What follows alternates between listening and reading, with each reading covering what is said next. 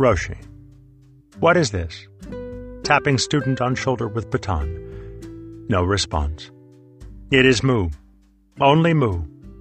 When I clap my hands, clapping. It is just Mu. There is nothing you need to figure out or speculate about. If you try to make even the smallest deduction or the barest analysis, you will never come to the realization of Mu. Student, I feel that I am pushing against myself all the time. Roshi, cut out speculating about it. Just become completely one with Mu and you will positively come to self realization. Actually, there is no myself to push against. Mu is everything. Mu is nothing. So as long as you consciously or unconsciously believe that you are you and everything else is different from you, you will never penetrate Mu.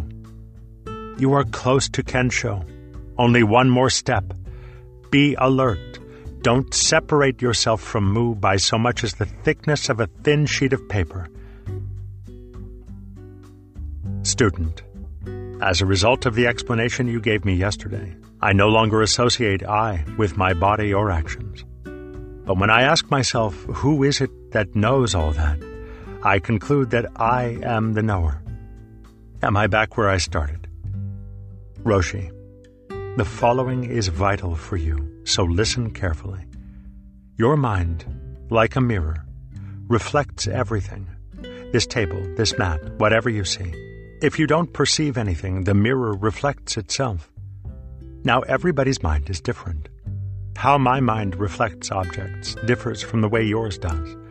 Whatever is in your mind is the reflection of your mind, and therefore it is you. So when you perceive this mat or this table, you are perceiving yourself. Again, when your mind is devoid of all conceptions, opinions, ideas, points of view, values, notions, assumptions, your mind is reflecting itself. This is the condition of undifferentiation, of Mu. Now, all this is merely a picture. What you have to do is directly grasp the truth yourself so that you are able to say, Ah, of course. This is awakening. Roshi, you still haven't taken hold of Mu. That is too bad. Student, I haven't, I'm sorry to say. Roshi, Mu is nothing you can feel or taste or touch or smell. And if it has shape or form, it is not Mu. What you have in your mind is merely a picture of Mu. You must discard it. Student, interrupting. I can assure you I have no pictures in my mind. Roshi, Mu is beyond meaning and no meaning. It cannot be known either by the senses or by the discursive mind. Get rid of your false notions, and awakening will abruptly come to you. But you must apply yourself more fervently. You must cling to Mu more tenaciously, like a hungry dog with its bone. Concentrate Mu, Mu, Mu with all your heart. Roshi, I can tell from the way you walk in here that you are still not one with Mu. You are wobbling. Your mind is distracted. If you were one with Mu, you would come before me with an unhurried yet firm gait, wholly absorbed, as though you were carrying the most precious treasure in the world. Student. Anyway, I am no longer in duality as I used to be. When I laugh, I don't think I am laughing, but just laughing. The same when I feel pain, and the same with everything else. Roshi, that is all right. But if you want to realize your true nature, you must not pause to indulge in self congratulation. If you do, you will separate yourself from Mu and land in the very duality you are trying to escape from. For enlightenment, all you need do is achieve total oneness with Mu, nothing more. You must empty your mind of all delusive notions and become like a sleepwalker carrying a fragile treasure that could be broken with one misstep. There must be no wobbling, not the slightest. Student. I feel I am not far from enlightenment, but somehow I can't summon up that last push. Roshi, the realization of your self nature can be compared to this placing the palm of one hand over the palm of the other. This top hand is like a large stone. It represents the average person's mind, a mind dominated by delusive thought. The bottom hand represents enlightenment. In reality, these are merely two aspects of the One.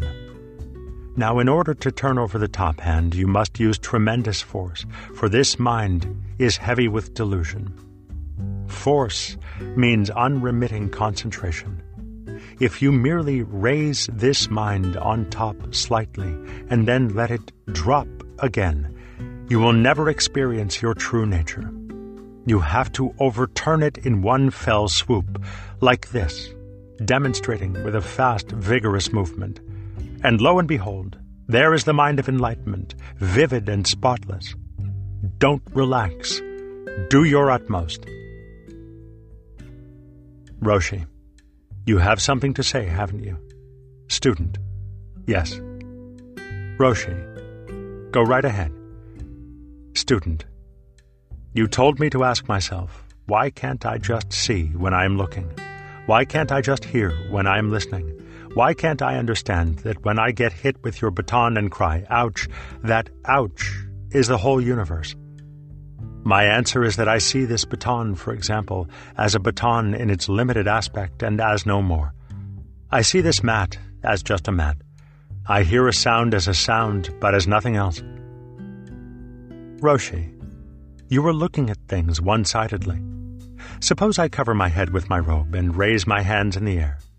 If you see only my hands, you are likely to think there are just two objects. But if I uncover myself, you see that I am also a person, not merely two hands. In the same way, you must realize that to view objects as separated entities is only half the truth. Now let us go a step further. Consider this electric fan beside me. It is related to its stand, its stand to the table, the table to the floor, the floor to the room, the room to the house, the house to the ground, the ground to the sky, the sky to the universe.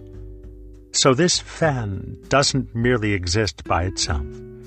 It is related to the whole universe. And when it moves, the universe moves.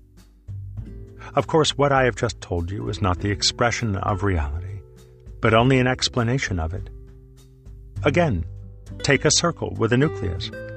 Without the nucleus, there is no circle. Without the circle, no nucleus. You are the nucleus. The circle is the universe. If you exist, the universe exists, and if you disappear, the universe likewise disappears. Everything is related and interdependent. This box on the table has no independent existence. It exists in reference to my eyes, which see it differently from yours and differently again from the next person's. Accordingly, if I were blind, the box would cease to exist for me. Let us take another example. Suppose you eat sugar while you are sick. It tastes bitter, so you say, It is bitter. But someone else says, It is sugar, it is sweet. For you, the sugar is nonetheless bitter. The bitterness of the sugar, then, is also relative to your taste. Its quality depends on you. All existence is relative, yet each of us creates our own world. Each of us perceives according to the state of our own mind. Student, I understand all that theoretically. I can appreciate that if the sun disappears, I disappear. But I can't conceive that I am the sun or the whole universe. Roshi. But you are. If, when you die, the universe dies with you, you and the universe are not separate and apart. Enlightenment is no more than the realization that the world of discrimination and the world of undifferentiation are not two. When you directly and positively experience this, you are enlightened. Student, what then is Mu? Is it the realization of the undifferentiated? Roshi, to realize the undifferentiated is a necessary first step, but the realization is incomplete if it goes no further. After you have seen into your true nature, that is, become enlightened, you see all objects as temporary phenomena, undergoing endless change. But you see them in and through the aspect of sameness. You then understand that without the undifferentiated, there can be no individual existences. I can illustrate what I am saying with this paper fan. One side has many stripes, as you see. The other is pure white. The white side can be called the undifferentiated, the side with the stripes, the discriminated. What makes the stripes appear as stripes is the white or undifferentiated side of the fan. Conversely, what makes the white side meaningful is the stripes. They are two aspects of the one. But while the discriminated aspect is subject to ceaseless transformation, that which is undifferentiated is changeless. Since you are a philosophically minded person, hereafter, don't try to become one with Mu, but simply dwell upon what I have just told you until suddenly you perceive your self nature is this clear? That will be your practice from now on. 4. Student D. Woman, age 40. Student. I am doing Shikantaza. Roshi. I noticed you last night, sitting with your hands clenched in your lap and straining hard. In Shikantaza, it is unnecessary to strain. Student. Everybody around me was straining and pushing, so I thought I should too. Roshi. Most of them are novices working on their first koan. If they do not strain, whatever concentrative strength they develop dissipates itself quickly, so they must struggle constantly to maintain it. It is like learning to write the Chinese ideograms. At first, you have to bear down with force as you painfully form the characters. But later, when you have learned how to make them, you can, of course, write effortlessly. You are experienced at Zazen, so you need not strain yourself. Student. I must admit there are times when my concentration is strong without forcing myself. But for Satori, isn't it necessary to do Zazen forcefully? Roshi. Shikantaza is practiced in the faith such that Zazen is itself the actualization of your pure Buddha nature so it is unnecessary to strive self consciously for Satori. You must sit with a mind which is alert and at the same time unhurried and composed. This mind must be like a well tuned piano string, taut but not over tight. Also remember that in a sesshin you are helped by everyone else through this communal sitting, so you need not strain yourself. Last night I observed you laughing and crying. Did you experience anything unusual? Student. I was absolutely without will. I felt as though I had crushed everything. Nothing remained. And I was joyous. Roshi. Tell me, have you ever had anxieties about death? Student. No, I have not. Roshi. People who are troubled by the thought of dying often have their anxieties relieved by an experience like yours. Did your way of looking at things change at all? Student. No. After it was over, I felt no different, I regret to say, smiling wanly. Roshi. Did the feeling of opposition, of yourself standing against the external world, disappear at all, even momentarily? Student. My feeling was only one of tremendous elation, because I felt that everything had been reduced to nothing. Roshi. After that, did your former state of mind return? Student. Yes. Roshi. All right. Just sit diligently without straining yourself. 5. Student E. Man, age 44. Student. I am doing Shikantaza. Roshi, is there anything you wish to say or ask? Student. Yes. When I was struck by a certain one of the monitors, I had a most unfavorable reaction. I felt that, in a sadistic way, he really enjoyed striking me, so I couldn't raise my hands in gratitude to him as with the others. I therefore request that I not be struck by him any more during this sesshin. I don't mind being hit by the other monitors, since their strikings are stimulating and encouraging, but when this person hits me, the effect is just the opposite. Roshi. When you are struck, you should not think, so and so has hit me in such and such a way, nor otherwise try to evaluate your reaction. Only raise your hands, palms together, in gratitude. There are many people who find it disagreeable to be hit. And who cannot do good zazen if they are. When they request it, a sign is placed above their sitting place saying they are not to be struck. This can be done in your case if you wish. Student. I don't mind being struck by the others. To test my reaction, I signaled one of the other monitors to strike me. When he did, I felt no adverse reaction such as I had with this particular person. In fact, I found it easy to raise my hands palm to palm, but it was quite different with the other man. Roshi. Of course, the monitors should take care to hit only the soft part of the shoulder, not the bone. This being summer, they should not hit too hard because everyone is wearing light clothing. As a matter of fact, when we had new sticks made yesterday, they were purposely made out of soft wood so that they would not hurt. But of course, one can be struck too hard. The student. I don't know, but that my reaction might not be a kind of makyo. Naturally, I will do whatever you suggest, but I thought I ought to tell you about it. Roshi, the important thing is not to make a problem of it. Student, I am practicing as you have instructed me. I have no questions. I came because this is my last dokusan, and I want to thank you for your kindness. Roshi, even though you have no questions to ask, it is well to come to Dokusan. For this reason, there is a tendency to become lax sitting by yourself. Coming before me tightens up your practice so that you can resume it with greater energy and determination. 6. Student F. Woman, age 45. Student. When I come here before you, I get a tight feeling all over. I wonder what's wrong. Roshi. This is a matter of mind. Don't think or worry about yourself during Zazen. Just practice with a calm, deeply concentrated mind, free from strain. Then your tightness will disappear and you will feel relaxed. Are you able to do Shikantaza ah, well? Student.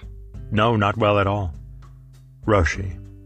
In that case, you should go back to the exercise of following the breath until you are able to do it well after which you may return to Shikantaza. Student. I tried to, but it was too painful. I felt considerable pain in my chest when I did that. You see, for years I've had trouble with my breathing. Roshi. Resume counting the breath, then. Can you do that easily? Student. Yes, I think so. Roshi. When you can concentrate on that exercise without pain or discomfort, Try the exercise of following or experiencing the breath. After you have mastered that, return to Shikantaza. Student, would you please tell me again how to count the breath and how to follow the breath? Roshi, there are various ways to count the breath, as I have previously explained. But the best way is this. On the first exhalation, count silently to yourself one. On the second exhalation, 2, and so on up to 10. Then go back to 1 and again count up to 10. Whenever you lose track of the count, go back to 1 and start again. Following the breath is done this way. With the mind's eye, you try to visualize the incoming breath, that is, to become one with it, and then you do the same with the exhaled breath. That is all there is to it. Student, Last night you told everybody, when you go to bed, continue to count your breath. Those of you who are counting your breath, and thus the counting will go on in your subconscious mind. However, I find that I rather naturally forget the counting when my breathing is rhythmic, and when it is not rhythmic, I have to count my breath in order to bring it into harmonious rhythm again. Should I continue the counting even when it is more natural for me to stop it? Roshi. Continue the counting when you go to bed and you will fall asleep naturally. But counting the breath is not a natural state of mind. It is only the first step toward concentrating the mind. The next step is following the breath. That is, trying to see each inhalation and each exhalation clearly. This is more difficult because you don't have the counting itself to fall back on when your mind begins to wander. The idea is to unify your mind through progressive steps of concentration until you reach the point where you can practice shikantaza, which, as you know, involves neither counting the breath nor following it. It is the purest form of zazen, and the breathing is natural. But shikantaza is also the most difficult zazen, since you have no crutches to lean on. When your practice has matured and your concentration is fairly strong, you can begin it. If you carefully notice the pictures of the Buddha in the nirvana posture, you will see that he is resting on his right side, with his hand under his head, the limbs of his body together. This is the best position in which to sleep. The point is, in going to bed, you should not lie down with a sigh of relief, exclaiming, Oh, I'm glad the day is over, now I can forget all about Zazen. This is a wrong attitude.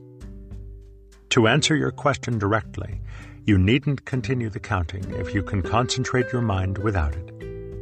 Student, I'm afraid I didn't make myself clear. What I mean is this. When my breathing becomes rhythmic, I forget to count. Is it all right not to? Roshi, yes. Similarly, experience your breath only as long as you need to. After that, do pure zazen. This involves neither counting the breath nor following it, but just breathing naturally. 7. Student G. Man, age 25. Student. What is the relation between Zazen and the precepts? I would like to understand that better. Roshi. Regardless of the sect, Buddhist teaching and practice have three basic features. They are Kai, or precepts, Jo, or Zazen, and E, or Satori wisdom. In the Bommo Sutra, the relation between the three is explained. The precepts are likened to the foundation of a house. If one lives improperly, thereby creating unrest and disturbance in oneself and others, the foundation of one's effort at spiritual realization is undermined. Zazen is the living space, the rooms, it is the place where one finds one's repose. Satori wisdom is comparable to the furnishings. The three are interrelated. In Zazen, one naturally observes the precepts, and through Zazen comes to Satori wisdom. Thus, all aspects of Buddhism are embraced within these three. Student. I was doing Shikantaza before I came here. At least, I think it was that. Would you please tell me what shikantaza is? Roshi. If you come to the next Sesshin and hear all the general lectures, you will learn about shikantaza in detail. I will tell you a little about it now. Shikantaza is the purest kind of zazen, the practice emphasized by the Soto sect of Zen. Counting the breath and following the breath are expedient devices. A person who can't walk well requires support and all these other methods are just such supports. But eventually you must dispense with them and just walk. Shikantaza is zazen in which your mind, intensely involved in just sitting, has nothing to lean on. Therefore, it is a very difficult practice. In counting or experiencing the breath with the mind's eye, you soon know it if you are not doing them properly. But in shikantaza, it is easy to become lax, as you have no gauges by which to check yourself. How you sit in shikantaza is of vital importance. The back must be absolutely straight, the body taut but not tense. The center of gravity should be in the region just below the navel. If you can, sit with your legs crossed in the full or half lotus posture, and you will have absolute stability and equilibrium, as well as the dignity and grandeur of a Buddha. Student. How can one realize one's self nature? I know so little about the subject. Roshi. First of all, you must be convinced you can do so. The conviction creates determination, and the determination, zeal.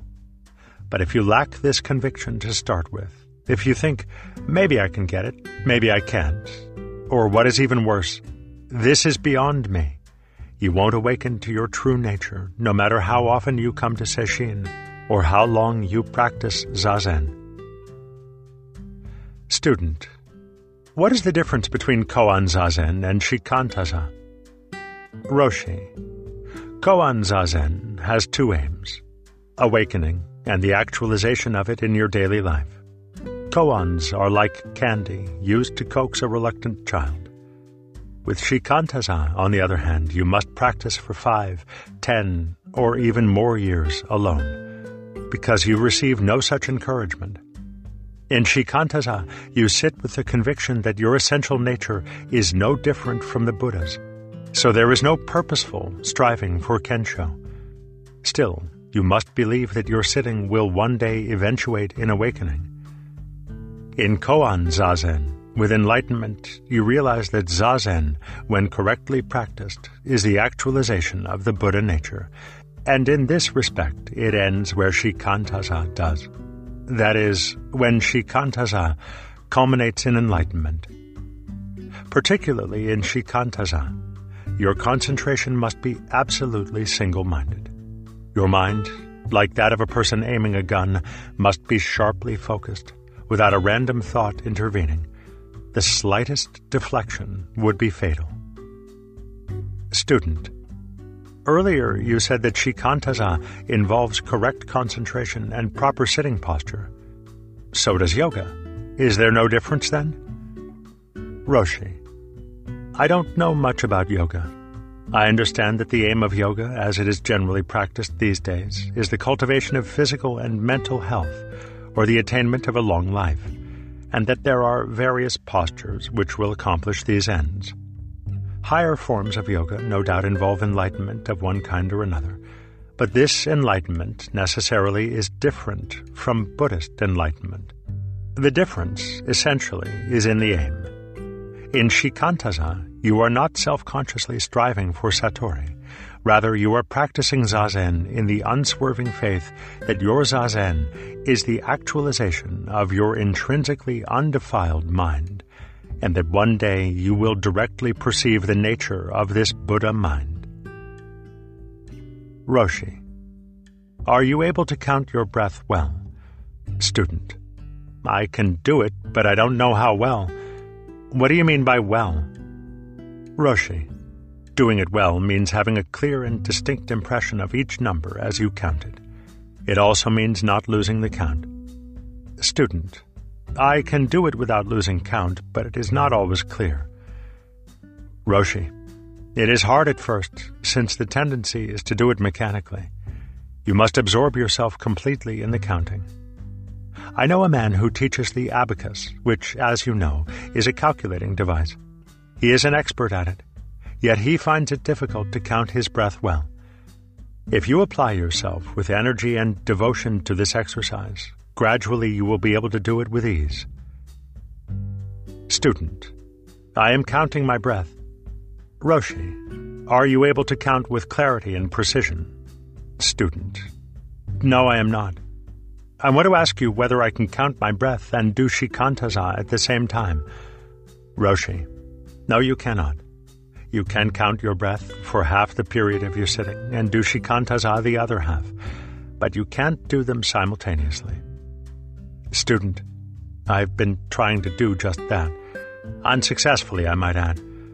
I also tried counting my breath only, but was unable to do even that. Roshi, you must not count absent-mindedly, as though in a daze. You must pour your whole heart into it. You must experience each number clearly and sharply. Did you lose count sometimes? Student. Yes, sir. Perhaps my trouble is that I don't understand the connection between counting the breath and Buddhism. Roshi. The purpose in counting the breath is to still the ceaseless waves of thought set in motion by habits of thinking that have persisted for a long time. With their quieting, the mind becomes one-pointed, and we can then directly perceive our essential nature. Counting the breath is a necessary first step. Another method is to keep questioning, what is my true nature, or where is my true nature? But unless you have the firm conviction that you can discover your true nature in this wise, your practice will degenerate into a mere mechanical repetition, and your effort will be wasted. You said you could not understand the connection between counting the breath and Buddhism. The Buddha taught that only by direct apprehension of our self nature can we actually know who and what we are. The fundamental purity and clarity of the mind is obscured by the ceaseless waves of thought which pitch and toss about in it. Consequently, we falsely see ourselves as individual existences confronted by a universe of multiplicities. Zazen is a means of stilling these waves so that our inner vision can be brought into accurate focus, and counting the breath is one type of Zazen. Student, you have said that I should put more energy into my sitting. I've tried to, but I can't concentrate for more than 15 minutes before my mind begins to wander. Toward the end of the last session, I was able to concentrate fairly well, but when I sat by myself, I fell apart and couldn't for the life of me concentrate. Roshi. It is difficult to sit alone, especially in the beginning. That is why we have Sesshin. Communal Zazen is easier because there is mutual support and reinforcement. When you practice Zazen, rather than listen to lectures about it. For the first time, you really taste Zen. And through this experience, come to true self understanding. So sit devotedly. Your concentration will become stronger, and you will feel better mentally and physically. Student, I would like to ask you once more about breathing. You have explained to me how I should count my breaths, but you haven't explained how I should follow them. Would you do so, please? Roshi. After you give up counting your breaths, the next step is following them. Here, you simply follow each inhalation with your mind's eye without allowing your attention to become diverted. When you exhale, do the same. That is all there is to it. Follow simply means to experience or become one with. Student. What about the stomach? Should it go in and out? I have heard that the stomach, instead of moving up and down, should move in and out. Roshi. Of course, there are various breathing techniques. What you are describing, I think, is the way to breathe in certain types of yoga. It may be satisfactory, but it is not the kind of breathing advocated here. Don't try to manipulate your breathing. Just keep your mind in the region below the umbilicus. Your mind is in the spot where you put your attention. If you concentrate on your finger, your mind is at your finger. If on your leg, at that place. With your mind concentrated below the navel, your vital energy gradually becomes stabilized in that region. Feel here, pointing to his lower abdomen. Student places his hand where the Roshi had indicated. When I put pressure there, it was hard, wasn't it? Student. It certainly was. Roshi. With your mind concentrated in that area over a long time, your energy easily and naturally settles there because the center of gravity no longer is in the vicinity of the head and shoulders, and you can exert pressure in that region at will. Since we are anchored down, as it were, we don't get angry and fly off the handle. Our thoughts and emotions are under natural control. Student. I have another question. Is it so that in the Soto sect, your walking is in harmony with your breathing? Roshi. Yes. With one complete inhalation and exhalation, you move the left foot approximately half the length of the right, and with the next breath, you move the right foot half the length of the left. The Rinzai way is to walk very fast. Student, but at these sessions, the method seems to be halfway between the Soto and the Rinzai. Roshi, that's right. Here we use the system of my teacher, Harada Roshi, who having had extensive training in Rinzai and being himself from the Soto sect, combined the two. Roshi, have you any questions? Student, all I can say is that I am confused. Roshi. What is your confusion? Student. I don't see the connection between counting the breaths and shikantaza. Roshi. They are two different things. Why look for a connection? Is your difficulty that you find counting your breaths too mechanical and uninteresting? Student. Yes, I suppose that's it. Roshi. There are many like you. Instead of counting your breaths or doing shikantaza, it may be better for you to ponder a question like, What am I? Where did I come from? Or, Buddhism teaches that we are all innately perfect. In what way am I perfect? The technical Zen designation for such questions is Honrai no Memoku. What was my face before my parents were born? Student. Is that a koan? Roshi. Yes. Hereafter stop counting your breaths and devote yourself earnestly to this koan. Roshi. Have you any questions? Student. I have no questions, but I would like to tell you something.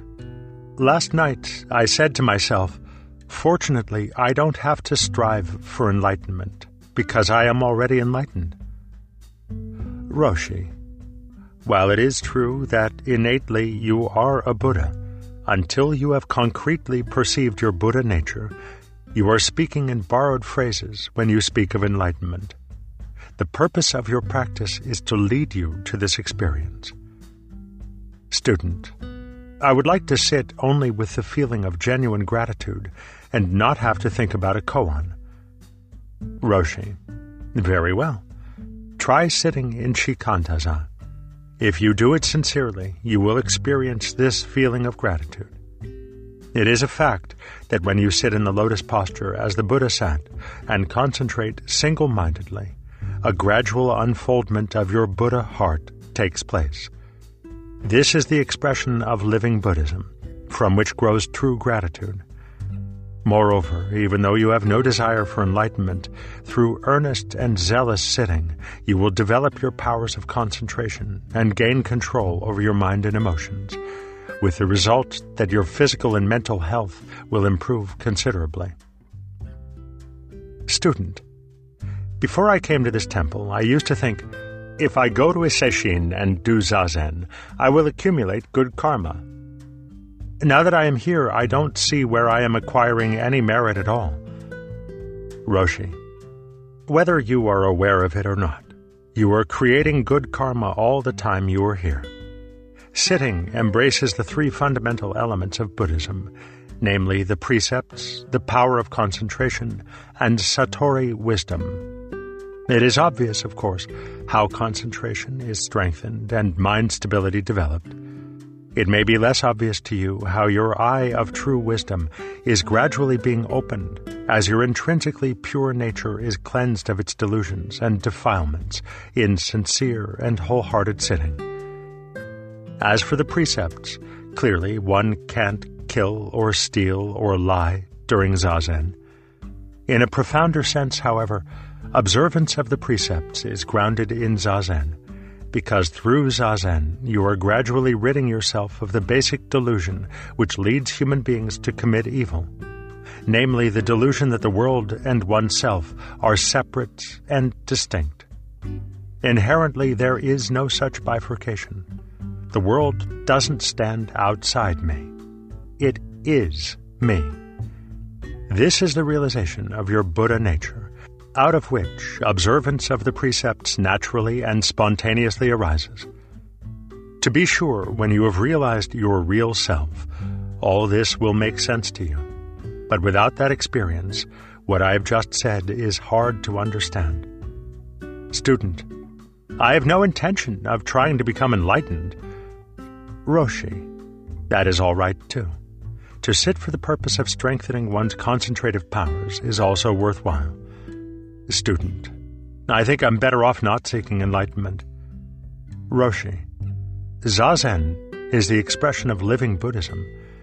Since you are innately a Buddha, your sitting, if it is ardent and single minded, is the actualization of your Buddha nature. That is true, to be sure. Student. I guess we can't disagree on anything, can we? Laughing. Roshi. Now go back to your place and apply yourself more seriously. Student, can you tell me what is most essential in Shikantaza? Roshi, the quality of your sitting is of vital importance. The back must be straight and the mind taut, ever watchful.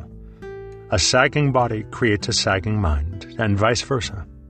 The mind must be thoroughly alert, yet not tense. If you look at a picture of Bodhidharma painted by Sesshu and carefully study the eyes, you will understand what I mean. Bodhidharma is doing shikantaza. This is the degree of alertness required. If you were sitting in one corner of a room doing shikantaza and a door on the other side was quietly opened half an inch, you would know it instantly. Student. This will be my last sesshin, as I have to return to the United States next month. Will it be all right to train under a Soto priest there? Roshi. Yes, but I would advise you not to be guided by him with respect to Satori unless you are sure he is enlightened himself. Very few Soto priests these days have realized their true nature, and therefore they poo poo the experience, saying in effect, Since in possessing the Buddha mind we are all inherently enlightened, why is Satori necessary?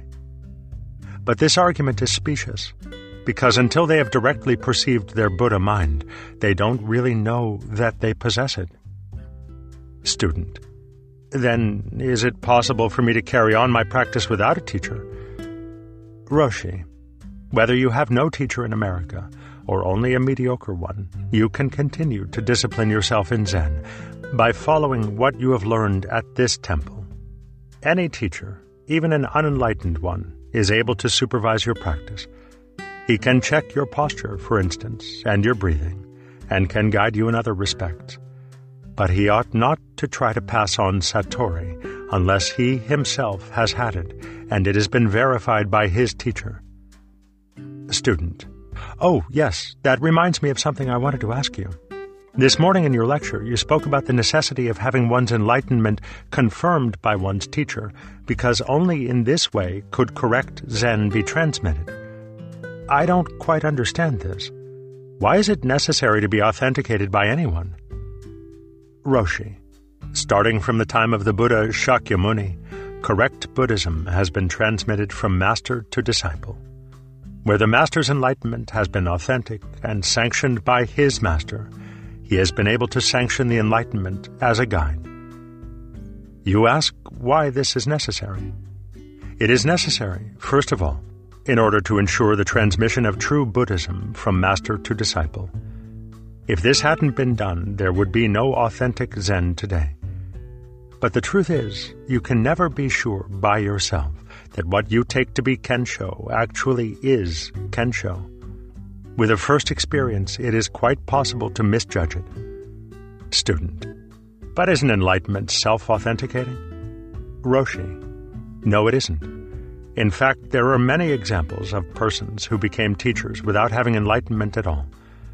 It is like a person searching alone for diamonds in the mountains. If one has never seen a real diamond, one may think when one finds glass or quartz or some other mineral that one has found a genuine diamond. If such a person could verify his find through somebody who has had experience with diamonds, he or she could be sure. Failing that, one could easily make a mistake, regardless of how brightly his stones glittered. Student this business of the transmission from the Buddha down to the present time, it isn't really true, is it? It's a myth, isn't it? Roshi. No, it is true. If you don't believe it, that's too bad. 8. Student H. Woman, 37. Student. I'm pregnant and probably won't be able to attend any more sesshin until after the birth of my child a couple months away. How should I continue to do zazen in my own home during the rest of my pregnancy? Roshi, continue to concentrate on your present koan. When a solution comes to you, put it on the shelf, so to speak, as you did with the other koans, and go back to shikantaza until you come before me again, at which time you can demonstrate your understanding of the spirit of the koan. Sit comfortably at all times, with your mind profoundly absorbed yet flexible and without strain in the region of the stomach. The last is important. It is well known in Japan that zazen has an exceedingly beneficial effect on the mind and spirit of the fetus. It is even better if you place a picture of Kannon before you when you start Zazen. Thus, the virtues of this bodhisattva which you are reflecting upon will impress themselves upon the mind of your unborn baby. Student, my koan is from where you are, stop the distant boat moving across the water. Roshi, demonstrate your understanding of the spirit of it.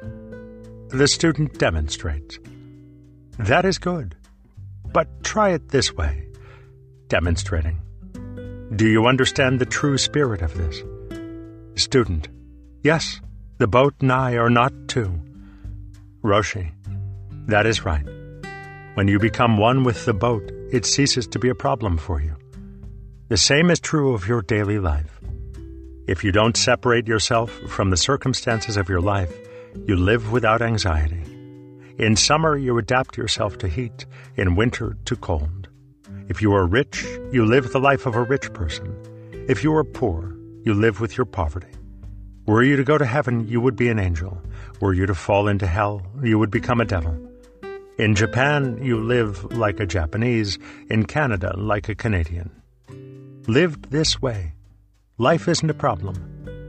Animals have this adaptability to a high degree. Human beings also have it. But because they imagine they are this or that, because they fashion notions and ideas of what they ought to be or how they ought to live, they are constantly at war with their environment and themselves. The purpose of this koan, then, is to teach you how to be at one with every aspect of your life.